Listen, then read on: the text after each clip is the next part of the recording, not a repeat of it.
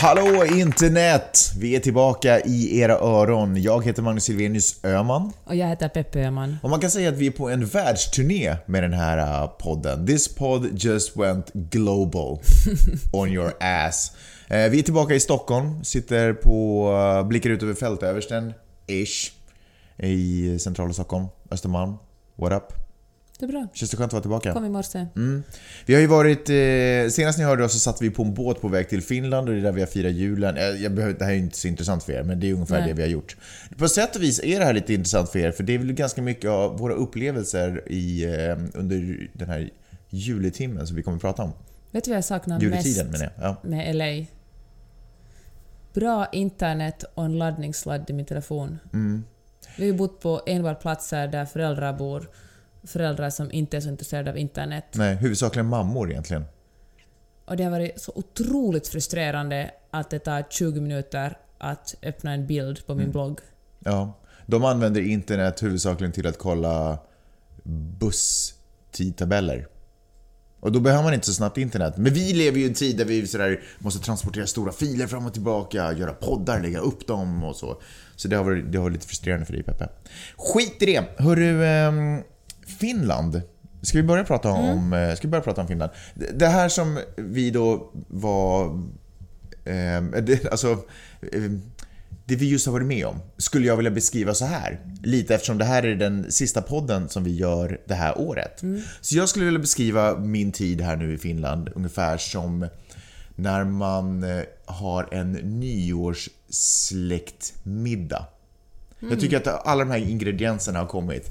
Vi har haft en eh, eh, äldre, lite smårasistiska farbror som har suttit i hörnet och, och muttrat och sagt helt slumpmässigt rasistiska saker. Och man vet inte riktigt om man ska glida in och kommentera det här eller inte.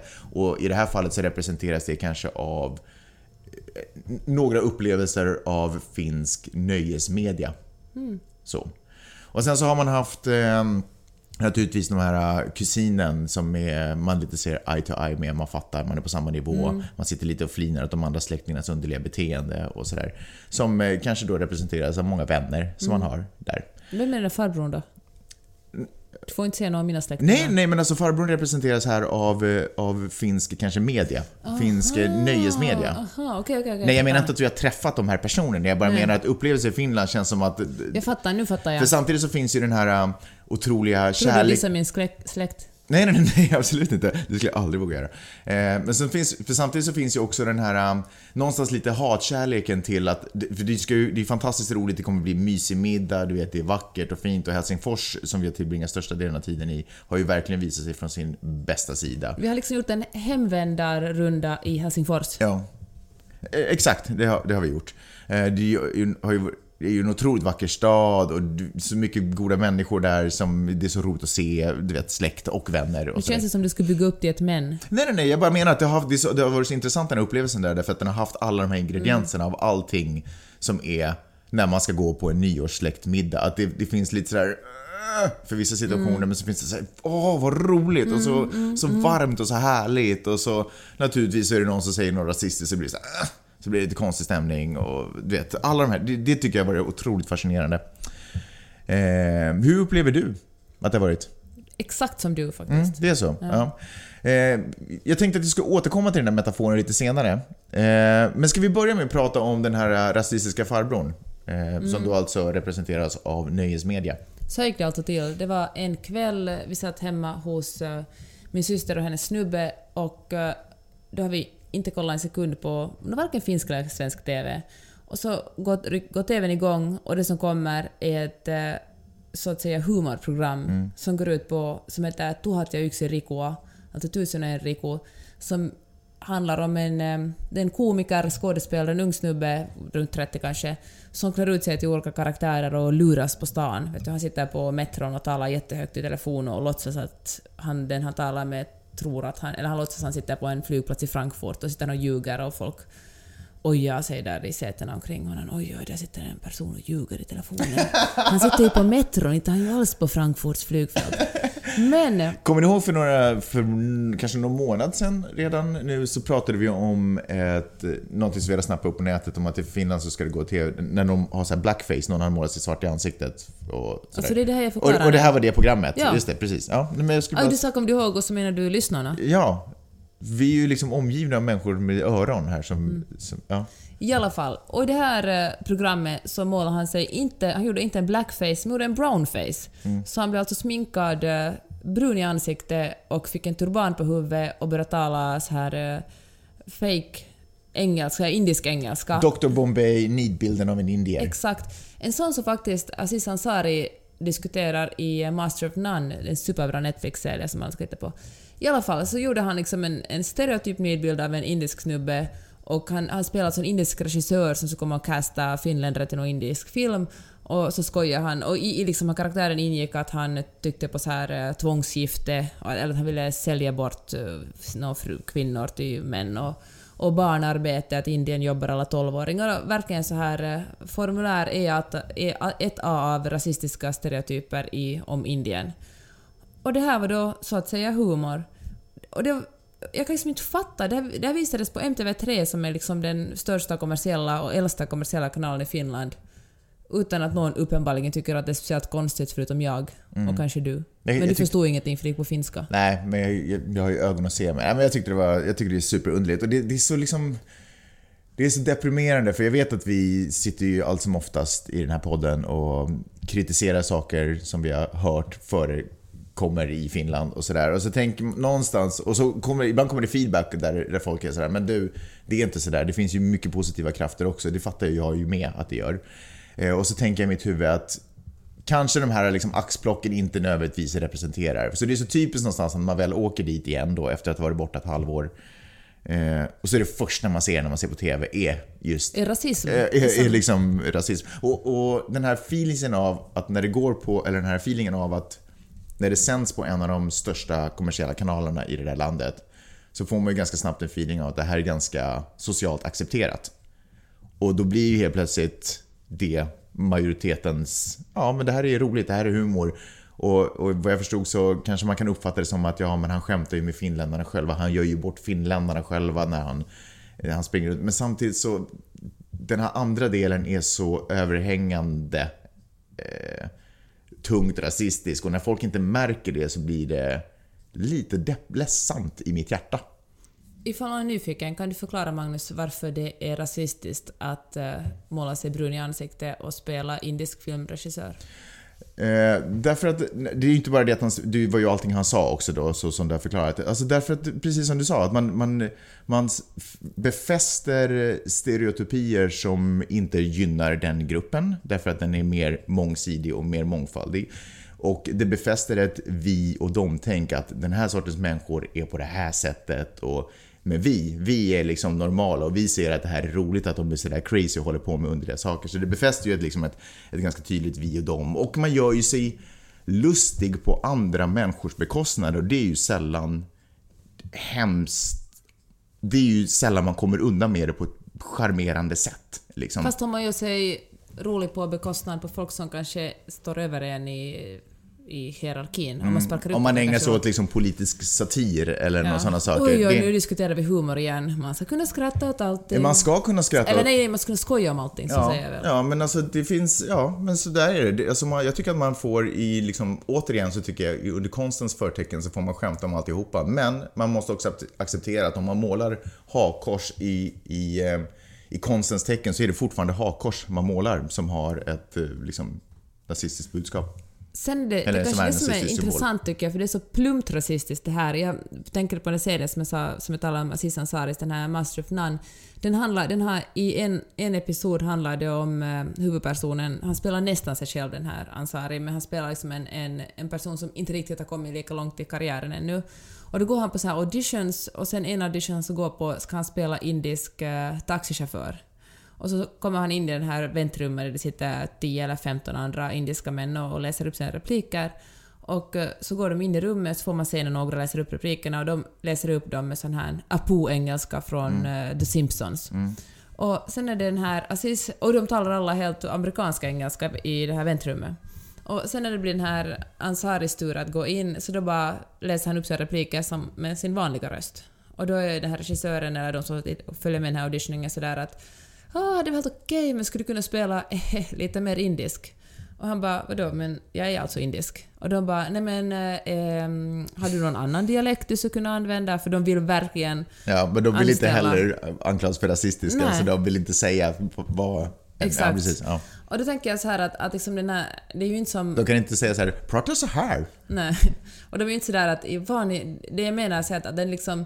Det finns ju enormt mycket rasism i USA också, och i Sverige och i fucking hela världen. Men det är intressant bara den här kontrasten, för i Finland är det ännu så jäkla plump, det är så lätt att man säger att men kom igen, det här är rasistiskt. Medan i USA är den på något sätt så subtil, så jag vet inte om det är värre, den subtila strukturella rasismen, för det är liksom svårare att peta på den. Det är som att när man talar om feminism och så säger man sådär att men hej, kvinnor och män har ju faktiskt samma rättigheter. Ja. Att ni får lite skylla er själva som inte har kommit längre i det här. Det är, svårt att, det är svårare att dissekera den än rasismen i Finland. Jag får också en, en liten feeling, och det här är kanske inte, det här är ju inte bara Finland utan säkert också i Sverige. Ehm, jag får en sån här feeling att nu när det är så mycket på tapeten också nu, eh, när folk upplever sig rädda, lite osäkra på eh, hur, eh, hur, man- hur, man ska ta hand om invandrare som kommer hit, flyktingar som kommer hit, vad ska man göra? Och det här, och det här är liksom ett stort problem i många människors ögon. Eh, och rasismen på så sätt också mer på tapeten att eh, det är många som väljer den här vägen att... För då tycker jag sådär, eh, jag vet inte, det var något annat tillfälle när jag snackade med några andra människor, jag kommer inte ihåg. Så på 80-talet när du vet, det inte var så jättemycket problem med, eller folk inte upplevde det som så här "Åh, politiskt... Hotfullt ja, liksom, ho- exakt. flyktingar. Så då, då, var det, då är det ganska lätt och tacksamt att glida runt och vara antirasist och vara så här, rör inte min kompis och du vet, och allt sånt, fast det kanske var en antimobbningskampanj. Men anyways.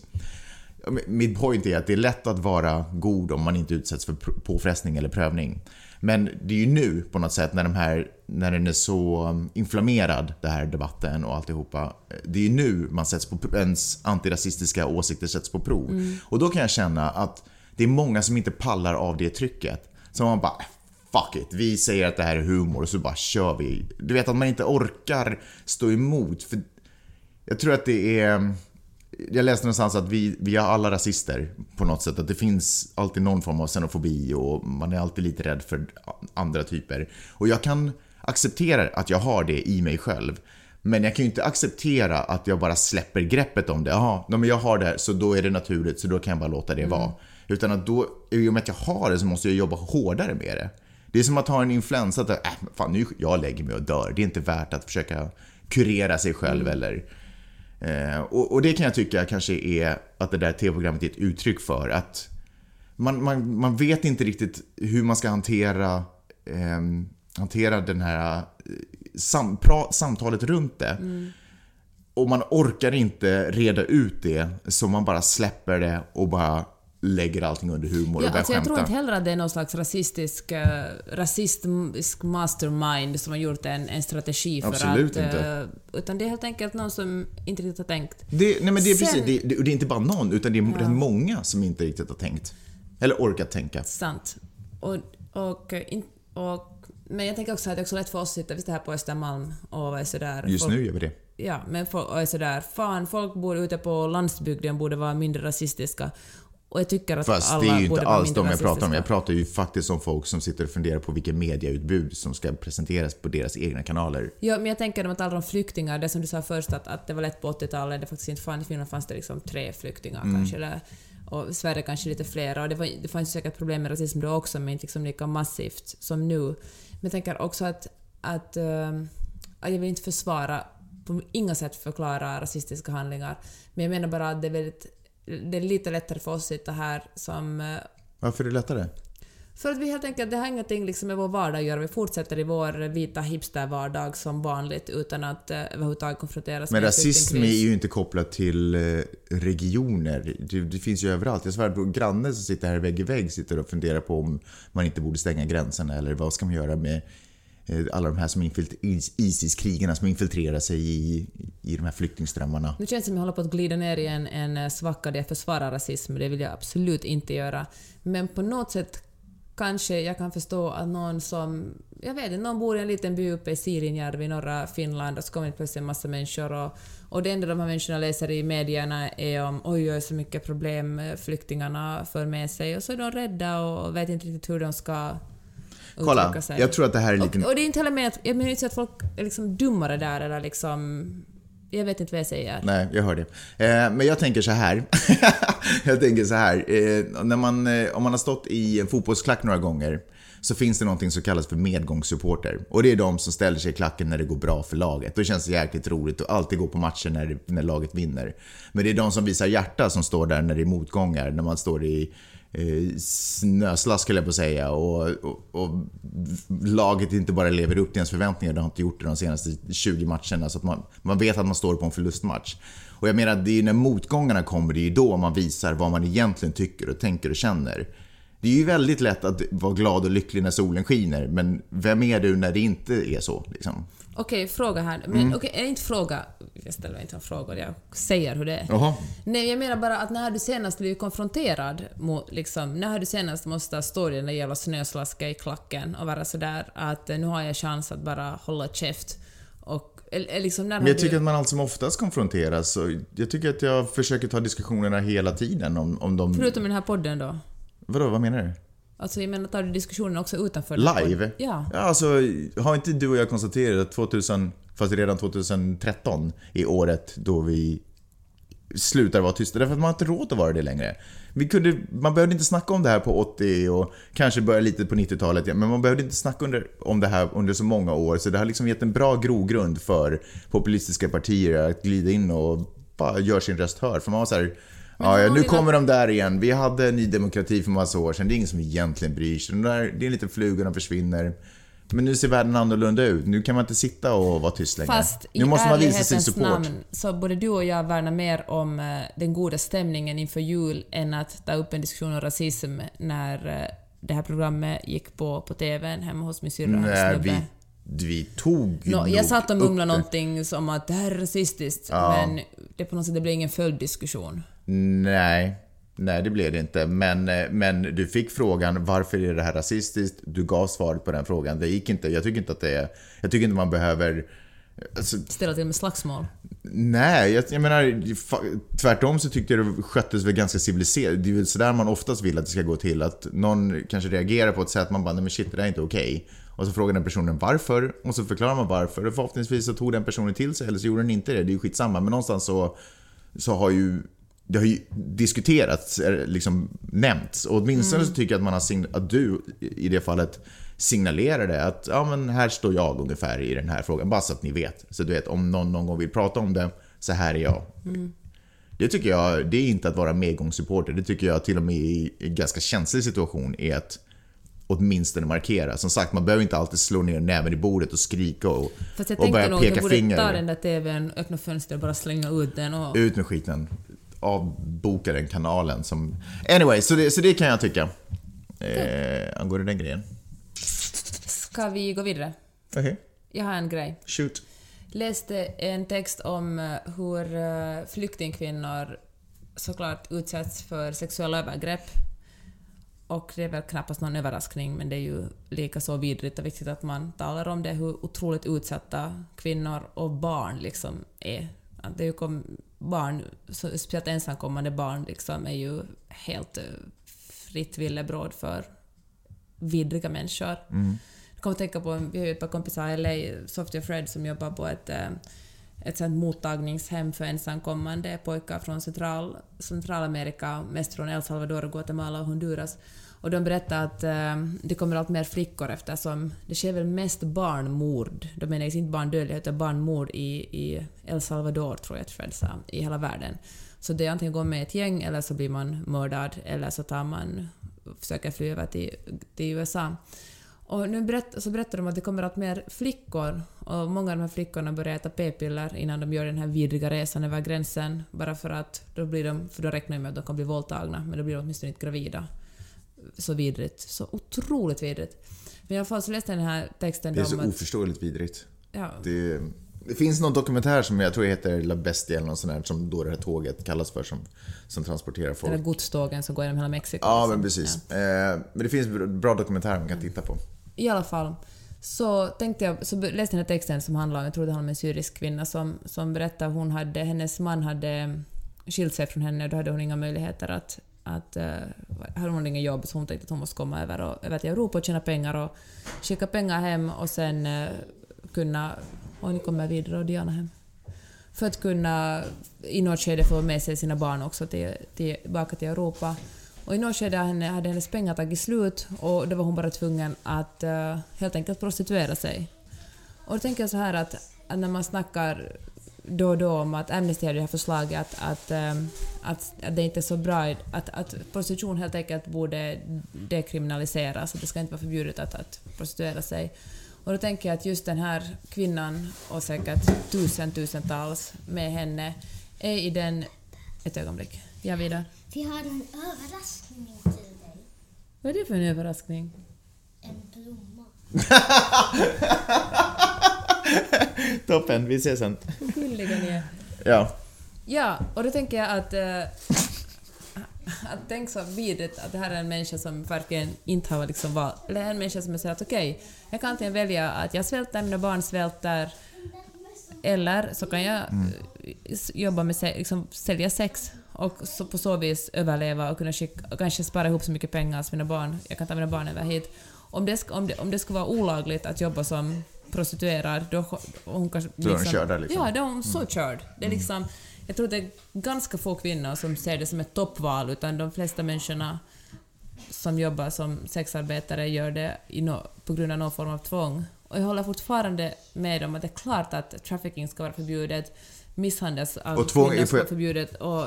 Ja, vad ska jag säga? Nej, jag skulle säga, jag skulle tillägga att det här tvånget kanske inte nödvändigtvis alltid är på grund av en annan människa som tvingar dig att göra det, utan det kan ju vara en, en eh, social situation man är i, att man är så fattig så att man är liksom tvingad på Nej, det sättet. Precis. Liksom. Så att alltså, sexarbete handlar i grund och botten helt enkelt om, om eh, global ekonomi. Helt enkelt att kvinnor är så jävligt mycket mer fattiga och utsatta än män och är därför tvungna att på något sätt försörja sina familjer och då mm. kanske den enda möjligheten är, är sexarbete. Om man inte har en familj som kanske kan supporta, men alla har inte den lyckan heller. Nej, ofta kanske man supportar familjen istället. Ja, dessutom med det. Eh, apropå, det så, jag åkte en eh, Uber i Helsinki. Och eh, chauffören var från eh, Somalia och han, eh, jag vet inte, vi började väl snacka. Måste vi passa på, det är en halvtimmes resa. Så han började berätta liksom hur det är där nere och det var bara, det var inte så att han spontant började berätta utan vi bara kom in på det. Eh, och hur kaos det är där nere. Han var så deppig över att det där jäkla kriget bara liksom aldrig tar slut. Han var kanske i 40-årsåldern men han, han pratade om liksom eh, här, människor som nu är 25 år, de har inte sett någonting annat än krig. Och han tyckte bara det var helt... Och ingen vet längre ens varför det krigas. Eller alla vet att det bara liksom handlar om någon form av maktkamp där bland några galningar.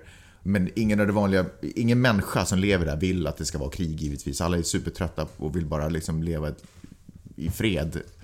Eh, och det finns ingenstans att fly, det finns ingenstans att gömma sig i landet. För i städerna så då är det förstås liksom krig.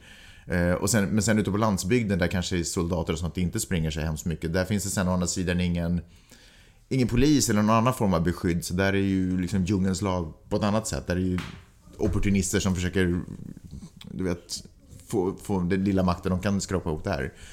Eh, och man kan inte fly till någon eh, grann, eller angränsande flyktingförläggning för de blir raidade av, eh, av eh, beväpnade män som kommer dit och rånar, våldtar, skjuter, dödar. Liksom, så där. Det, han så här, männen bara, du vet, när han, när han, led, han ledde väl där då i, i krigets tider i tio år innan han var så här, okej okay, that's it, jag måste dra liksom, jag måste ta mitt barn och sticka härifrån. Det var väl han och han hade flera syskon. Och eh, eh ja, han såg bara, du vet, sina jämnåriga killkompisar, de bara dog. De dog eller så försvann de liksom. Och bara sjukt att leva i en värld där helt plötsligt, du vet, vi sitter här på Östermalm och så Ja, så ena dagen så har vi en eh, granne. Och andra dagen har vi inte en granne för mm. han blev skjuten. Han dog liksom. Och nästa dag så är det två till personer i huset som har dött och försvunnit. Så det är klart att man efter ett tag säger okej, okay, jag måste dra liksom. Jo, men det jag skulle komma till, det, min association var att han har då alltså Eh, han hade väl flest systrar i och för sig, så de flesta hade dragit därifrån, men några blev kvar i landet eh, för att de var gifta där och hade liksom sin familj där och tänkte att vi är nu här. Eh, men eh, numera så är de, eh, de här systrarna som framförallt är kvar då, de har några barn var. Men de är antingen änkor eller så är de frånskilda. Och, vilket gör dem ju liksom fattigaste av de fattiga där. Så nu är liksom alla andra syskonen som har kommit ut i världen det enda de gör är att de liksom förstås jobbar och tar hand om sina egna familjer men också skrapar ihop pengar till, till de här syskonen som är kvar. Men så ska man ju själv också göra. Ja, Försöka absolut. hjälpa sina syskon. Absolut. Men jag, du, du vet den här världen som vi lever i, hur... Kanske inte majoritet, men så otroligt många människor vars liv går ut på att skrapa ihop pengar för att kunna skicka... För att hjälpa, du vet hur många människor som bara lever i att hjälpa sina egna familjer. Du vet sådär som vi nu själva hade fattiga tider i Finland och Sverige vid förra sekelskiftet och folk drog till Amerika och, och postade hem lite pengar med jämna mellanrum. Att, liksom, det där händer hela tiden och nu, nu har vi bara slutat göra det. Men så många människor som fortfarande lever i den där världen där, där det bara går ut på att försöka fixa det för familjen. Jag menar, när har du skickat hem pengar till din morsa? Och när, du vet, det är ju bara inte på vår världskarta. Nej. De har det ju Det är bättre typ så att ekonomiskt. din morsa skickar hem pengar till oss Ja, det är mer från så. Sverige till USA. Ja, men det blir så... um, Jag menar, jag, jag vet, jag känner ju till att det är krig, men det blir så påtagligt när en, en människa berättar det. Liksom. Och inte sådär, åh, det, är så jobbigt, du vet, utan han bara... Det var liksom med ett, eh, ett trötthets-vemod, liksom. Att han, han var såhär, för det är så vackert land, det ligger mellan två... Fan, jag borde ju veta det här, men någon form av två sjöar, eller hav. Det ligger vid havet. Ja, men han sa att det var väl någon sjö där i mitten också då. Nej men att han sa sådär, det var så fina kuster, det var så vackert och han beskrev det mm, lite luddigt. Men, men jag såg att han såg det framför sig och han drömde sig bort liksom där någonstans. Men att det bara inte går att, går inte att leva i det där skitlandet höll jag på att säga. För att folk förstör det. Vilken tur att vi komma till Finland. Ja. Jag, var, jag var ironisk lite nu. Eller jag vet inte om jag är ironisk Nej men fast det var ju ironisk. tur, bra. alltså han... lever ju. Ja, precis. Det, det, allt det där är ju liksom... Ja. Det är klart att han- nu är han så här, för att han, i och med att det handlar om att på något sätt tjäna pengar. Det är ju inte billigt att bo i Finland heller, så nu är det mer en ekonomisk grej att han har en egen familj. Att hur ska han få ihop sin egen familjs ekonomi eh, och samtidigt kunna skicka så mycket pengar som möjligt. Så att nu kanske han funderar på hur man, om det finns något annat land där det skulle vara mer ekonomiskt hållbart att leva själv och kunna hjälpa hemåt. Ibland känns det som det skulle vara skönt om vi skulle ha en podd där vi skulle klippa i den så man skulle kunna klippa bort alla dumheter. Som du säger. säger. Ja. Det har blivit jättemycket sånt på senaste tiden. Hörru, får jag berätta om en annan... Eller Ja. nej, nej, du ville ta den där grejen. Kör. Ja, ska jag ta den? Prata, prata om journalistik nu. Uh, kulturchefen på Hushållsbladet, Fredrik Sonck, skrev en uh, krönika Jaha, ja, om, kulturchef. eh, om journalistik. Så här skriver han, den journalistik som är engagerande är inte nödvändigtvis den mest relevanta och det som är relevant är inte alltid engagerande. Och eh, det var nu kanske... Vad menar han med det? Ah, alltså, han, ja, han skulle kunna skriva det på ett lite smidigare sätt. Men om jag tolkar den här krönikan rätt så menar han att, eh, det som, att folk inte alltid vet vad de är intresserade av och journalister måste också skriva och rapportera om sådana saker Som inte är mediasexiga. Exakt. Bara det, för att de är viktiga och relevanta Ja. för att vi ska kunna bygga ett bättre samhälle. Är det du eller jag som leder den här podden? Det är du. Och då svarar Alex Fager som är kanske utvecklingschef för nöje och eh, något Kultur. annat och kultur eller något sånt på YLE. Svarar han att eh, nej, nej Fredrik Sonck, du har misstagit dig. Eh, Den moderna journalistiken handlar om att inkludera läsarna och lyssnarna. Alex Fager är ansvarig för fakta och fiktionsinnehållet på Svenska Yle och redaktör för den finlandssvenska mediapodden. Och eh, nu kan det vara att jag läste, liksom, läste in lite mer än, än eh, vad Alex egentligen menar. Vad läste du in då? Jag läste in att eh, han tycker att den moderna journalistiken delvis eh, produceras av användarna, eller följarna, lyssnarna, läsarna, tittarna. Mm. Och eh, där måste jag nog säga stopp och belägg. Ja, fast där måste jag säga att det, det skrev han inte. Vad skrev han då? Nej, han skrev att, att det moderna, så som jag tolkar det förstås, eh, att den moderna journalisten eh, måste närma sig den vanliga människans historier. Eh, och, Fast det är väl och alltid åsikter och journalisterna gjort? Ja, fast han kanske har en bild av att eh, journalister traditionellt har suttit på sina, i sina redaktioner och eh, uppfyllt sig själva i sin allvetande roll. Fast är inte det lite sån här sann finländsk kritik av journalistiken? att de sitter bara där och skriver och det som de Mm, ja, fast har det inte Det är funnits ändå ett litet... kritik liksom. Ja, men den, är den helt obefogad? Nej, alltså, nej, men då blir det en ganska ointressant podd om jag tycker att alla har rätt hela tiden. Eh, fast, okej. Nej, men alltså jag, håller, jag kan hålla med honom så här mycket. Det, det är klart man ska... Men jag tycker inte att... Men kan du istället säga vad du tycker är viktigt då, så som du tolkade det han skrev? Jag tycker att, att det är viktigt att, eh, att journalistik, journalisterna skriver också om det som folk inte vet om att de är intresserade av och sånt som folk kanske inte tusen intresserade av. För det är en del av en demokrati att också informera om skattefrågor som kanske inte är supersexigt men att journalisterna kan förklara det på ett lättfattligt sätt och att, och att journalisterna har kunskapen att ta sig an information som sen kommer från, från olika håll paketera in det, ha så mycket, en så, så pass stor överblick och allmänbildning att de förstår vad som är relevant och vad som inte är relevant.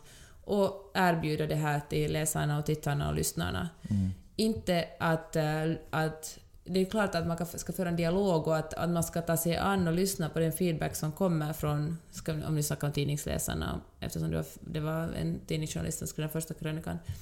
Men att, eh, det, att journalistik är inte samma sak som att eh, en läsare, en lyssnare eller en, en insänd skribent gör en grej. De, de, kan liksom, de kan bidra med en text som en insändare, men då är det, då är det liksom ett läsarbidrag, ett tittarbidrag eller ett lyssnarbidrag. Det är inte journalistik. Det finns en, något är det här superelitistiskt, men, men det finns en en, det finns en orsak till varför det finns en journalistutbildning. Har vi talat om det här tusen gånger? Känns det som. Men kör ett varv till. Och det finns en orsak till att, att eh, journalister ska ha, veta åtminstone lite om mycket, ha, ha nå, någorlunda bra allmänbildning och åtminstone försöka upprätthålla allmänbildningen och liksom ha helt enkelt en överblick om vad som händer i samhället. Och i och med att man har liksom en, en överblick på många olika områden kan man liksom förstå sammanhang och förklara att nu händer den här saken för att för två månader sedan hände den där saken och jag förutspår att framtiden kommer kanske den här tredje saken att, att hända. Är Men liksom å andra inte- sidan, genom att ha en nära kontakt, jag tycker egentligen inte att det ena motsäger det andra, men genom att ha en nära kontakt med sina läsare eh, och vad de, eh, eller lyssnare för den delen, och, och deras liksom, och ha en bra kunskap om deras typ rörelsemönster i mm, deras navigering genom medievärlden så, eh, så har man ju också möjlighet att lokalisera svarta fläckar där, du vet, man, där det Mm. Ja, finns anledning precis. att fylla på. Exakt, Liksom. ja det stämmer. Så kanske, inte vet jag, kanske Alex Fager och Fredrik Sonck egentligen tyckte exakt samma sak. Jag tror Sen- att de bara, i Alex Fagers fall så tror jag att det bara var ett sätt att försöka puffa vad, vad Yle ska göra nästa år. Alltså, du vet att, jag vet inte om man nu egentligen tyckte något speciellt kanske i den artikeln. Mm, ja, kanske. Och, och, och, och Sonck är väl bara rädd för att folk slutar läsa tidningen som han tycker fylls med, Typiskt journalister att bara dra hemåt liksom, men tänker du väl. nu va? jag tänker kanske lite det. Men Ja. gör vi inte alla det på något sätt? Så Men jag tycker att det är en, en valid point. Eh, men eh, om du dissade min spaning förra veckan med med, Ja, det är alltså bara en hämndaktion. med egoistiska, var, varför folk gillar tv-serier kontra filmer, så måste jag säga att den här grejen du tar upp nu känns inte superfräsch. Vadå fräsch? Den känns som en gammal tanke, dels från dem och dels från dig. Vad är din nya fräscha tanke på det här då? Nej, nej, nej. Jag tycker att det här är väl självklart att journalister ska ägna sig åt saker som är relevanta och mediasexiga och allt sånt. Så jag borde inte alls ha tagit upp det här segmentet menar du? Jag tycker att det här var ett onödigt segment. Ja. Okej, din tur.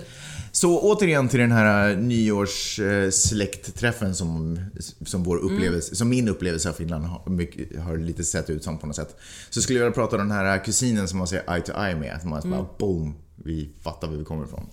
För att jag blev så himla glad, så jäkla roligt. Eh, När jag gjorde, jag var på tv-programmet Hjärtvänner, så han som var regissör för det heter Kenneth Kleile.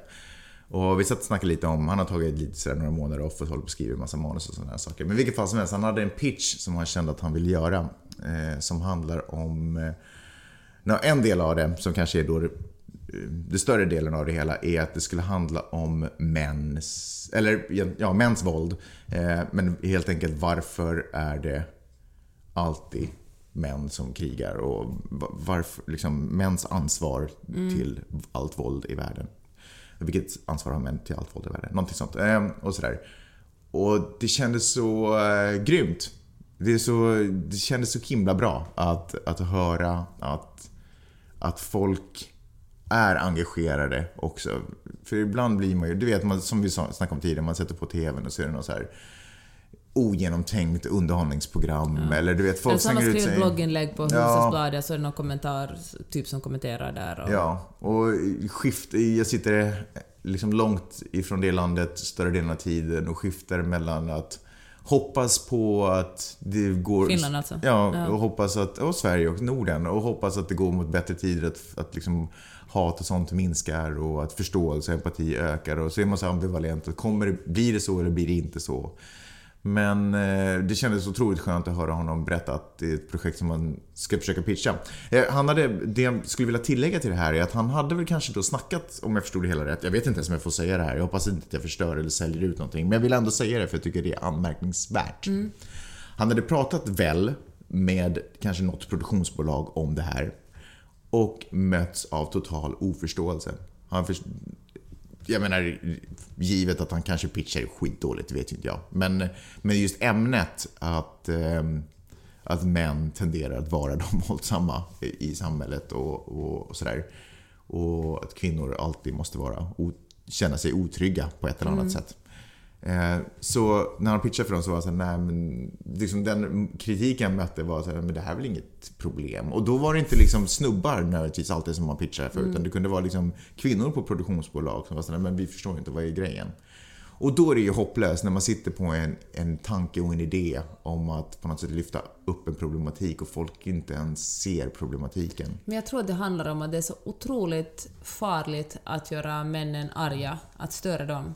Ta- vi kom- liksom, Folk kan vara så här överens om att rasism är dåligt och rasism är, rasister är dumma typer. Alla är inte rasister, men det finns rasister som är... Och det är dumt. Men att säga att män är våldsamma... Mm. Men det är alltid rasister som har rakat skalle och tatuerat en svastika på armen. Det är ju aldrig... På ryggen. Ja, det ska ju vara tydligt att man är en bad guy för att... Finlands lejon på ryggen. Ja, men ungefär. Det är vad ni nu har i Sverige. Är knappast sorts Finlands lejon. Men eh, då tänker jag så här att, att säga en sån sak som att, att alla män är... Nej, man får ju absolut inte säga att alla män är våldsamma, för alla män är ju inte våldsamma.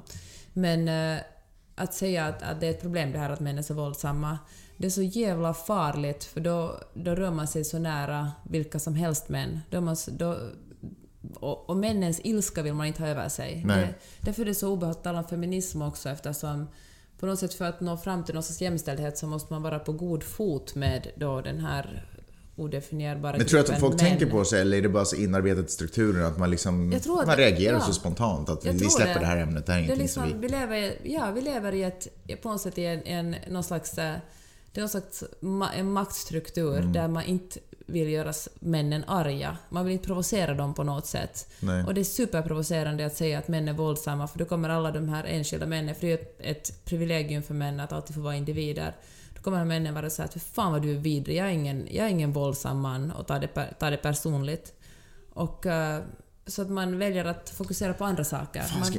Ja. och, därför, och det är så svårt det där, för när man snackar om jämställdhet, att, att, att nå fram till någon jämställdhet så måste åtminstone en majoritet av männen gå med på det. Måste säga att vi ser att vi på många sätt är privilegierade och att vi i många områden måste ta ett steg tillbaka för att släppa fram kvinnor. Och då måste man liksom... Då får man inte göra de här männen arga eller sura eller liksom provocera dem på något sätt. Och genom att säga att män är våldsamma gör man det och därför är det... Förstår du vart jag vill Ja, komma? men jag förstår mycket väl vart du vill komma. Får jag testa en tanke på dig? Eh, som jag slogs av när jag... Eh, det var faktiskt n- när jag klippte Lille Lördag, senaste avsnittet tror jag till och med att det är. Eh, så, för då kom de in på varför är kvinnor alltid så hunsade, varför du vet, hjälper inte vi varandra och sådana saker. Eh, men men de, det var någonting där de sa som fick mig att tänka eh, en tanke som jag tänker testa på dig. För, eh, kanske är det så här att eh, en av de saker som skiljer oss, för vi är ju inte alla exakt likadana personer fast vi har samma värde. En av de saker som kanske generellt skiljer män ifrån kvinnor är vår förmåga, eller vår egenskap att framförallt i unga, ung ålder när vi har mycket testosteron i kroppen, att ta risker. Att, jag har för mig att jag har snappat upp något sånt här. Jag vet inte om det är bullshit, men ponera att det är sant. Att vi tenderar att ta risker, vi har lite tunnelseende och eh, har egenskaper som helt enkelt är ganska bra att ha om man är i krig, till exempel. Du vet, man, när man måste göra dumma och snabba beslut, kan jag tänka mig. Eh, och då tänker jag så här, att om det är så att det här är egenskaper som vi har, eh, som vi har på något sätt lärt oss värdera därför att vi kanske kommer historiskt från tider där det har varit farligt och hot, att det här har varit bra sak att ha i överlevnadssyfte. Så, men nu när vi lever egentligen i en ganska, eller nu när vi lever i en värld där vi kan bestämma själva om den är trygg eller inte. För det står inte lejon utanför dörren och knackar längre utan nu är det ju liksom andra människor som knackar. Förutom man bor i Mogadishu eller... Men förstår du? vad jag menar? Alltså i Europa, pratar. kanske du är till och med i västvärlden bara. Eh, Så det tänker jag så här, det, det måste... Det, för jag funderar på varför Alltså nu menar jag inte att det står lejon utanför dörren i Mogadishu, utan jag menar att Somalia är ett krigsdrabbat land. Ja. Eh, Men jag menar där, vi har övergått från att ha liksom natur, naturen som fiende och nu mer har oss själva som fiender på jorden.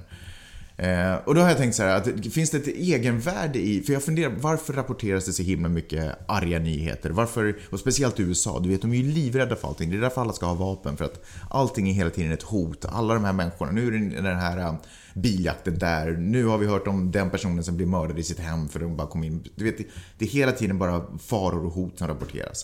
Och jag kan förstå att det finns ett egenvärde i att vi skapar bilden av att världen är farlig. För då behövs, då är ju vi män hela tiden i kontroll. För då är det ju våra, eh, du vet, ehm, kanske biologiska egenskaper som spelar en ganska stor och viktig roll. Och därför är det viktigt att vi hela tiden underblåser hur farlig den här världen är. För att om världen ska vara helt ofarlig, då ska det inte finnas någon anledning till att vi inte delar lika på saker och ting. Eller, eh, för att ingen tid behöver sättas åt att kriga. Förstår du vad jag menar? Där, mm.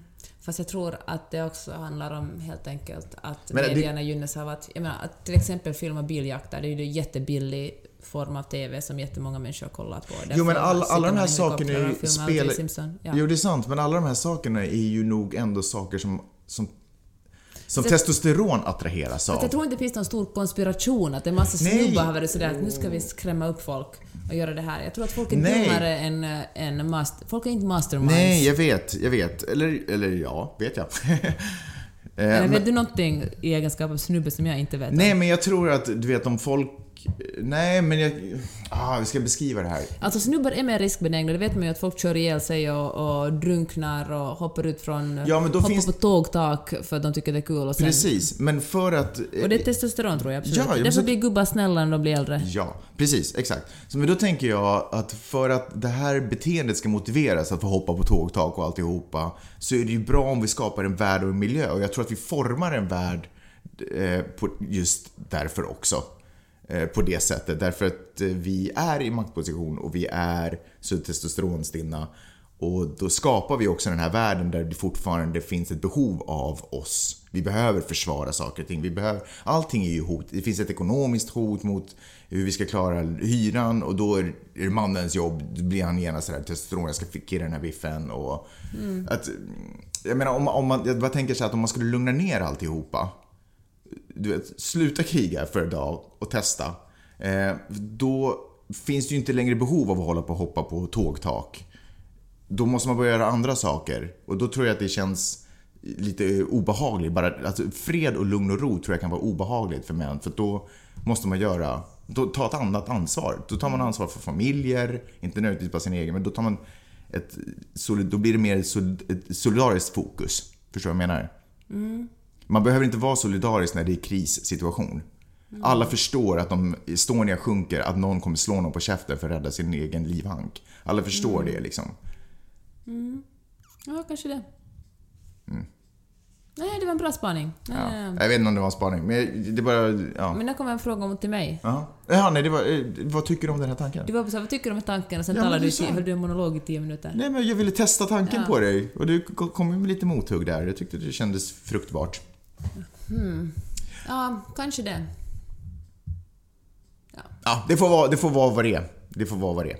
Hör du, eh, jag tänkte att vi ska börja runda av nu. Jag skulle vilja komma med ett litet nyårslöfte. Med anledning av vad vi har pratat om och framförallt med anledning av, du vet, människor som bara har det så otroligt illa i världen som, dagligen kämpar för att deras nära och kära ska ha det lite drägligare medan vi sitter och skäms för att vi går förbi människor. För att mm. inte vill ha dem i vår stadsbild. Så jag tänkte att jag skulle bli bättre på um, att se människor. Att inte låta min skamkänsla för att jag inte kan eller av någon anledning vill, eller vad fan det nu kan vara som anledning, äh, ge pengar till folk som tigger. Att jag inte låter den skamkänslan få mig att vända bort blicken mm. och, och kanske stöta ut andra människor. Utan att jag ändå tar tag i min skam och ser människor i ögonen och behandlar dem ser dem som människor, behandlar dem med respekt. Så mitt nyårslöfte är att jag ska försöka bli bättre på att se människor, inte nödvändigtvis människor som vill bli sedda, utan människor som behöver bli sedda. Tänkte jag. Det är bra. Jag tänkte på det där när vi kom upp från tunnelbanan, och det satt den där samma snubben och tiggde nere här vid tunnelbanan då. Och så tänkte jag hur, eh, om man säger, för du sa ju Merry Christmas, han sa Merry, Merry Nej, det var Christmas. han som sa det först, det svarade Och då tänker jag att hur, eh, det, det är ju lättare att inte ge pengar åt någon om man låtsas. Man vet ju om... Om man att, låtsas att den, den personen inte finns, ja. Ja, ja. men den i ögon och säger Merry Christmas, då fattar man att den andra människan sitter där och mm. fryser. Och då ser man vilket as man själv är som...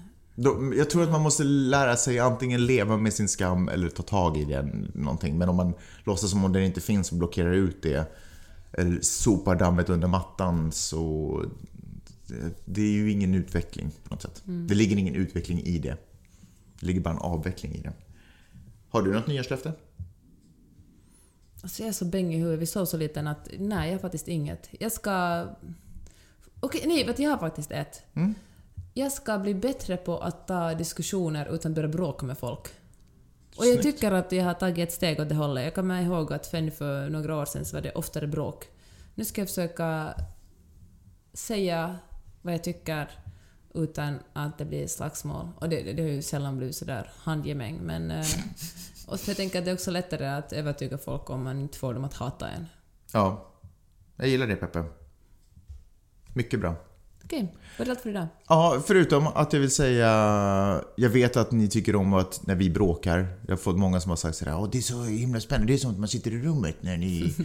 jag är ledsen, vi har inte bråkat så mycket i den här podden, men jag hoppas att ni ändå har eh, fått ut någonting av det. Eh, så himla glad för att ni lyssnar och för att ni också säger att ni lyssnar. Jättekul om ni prenumererar och sprider ordet vidare och, och likar Men jag är fortfarande ändå glad att ni ibland kommer fram och säger att ni lyssnar. Det betyder mycket.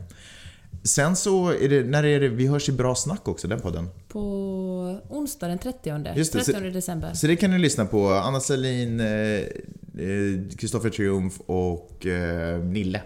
Av, vad heter han? Ekestam. Just det. Eh, podcasten Bra Snack. Så det, om ni vill höra oss i ett annat sammanhang så kan ni höra oss där. Jag hoppas att de klipper ihop det bra. jag känner att det var inte så bra där. Eh, gott nytt år! Jättemycket gott nytt år. Supergott nytt år. Hoppas ni har haft ett superbra år redan. Och hoppas att det blir jättebra Jag tror att 2016 kan bli ett så jävla bra år. Shit alltså, ni kommer inte fatta. Det kommer smälla, och då snackar jag inte nyårsraketer. Det kommer smälla på som fan nästa år. Eh, så var, håll i hatten, sätt fast säkerhetsbältet. 2016, kärlekens år. Nu kör vi. Tesla-fart. From here to eternity. Hejdå! Hejdå!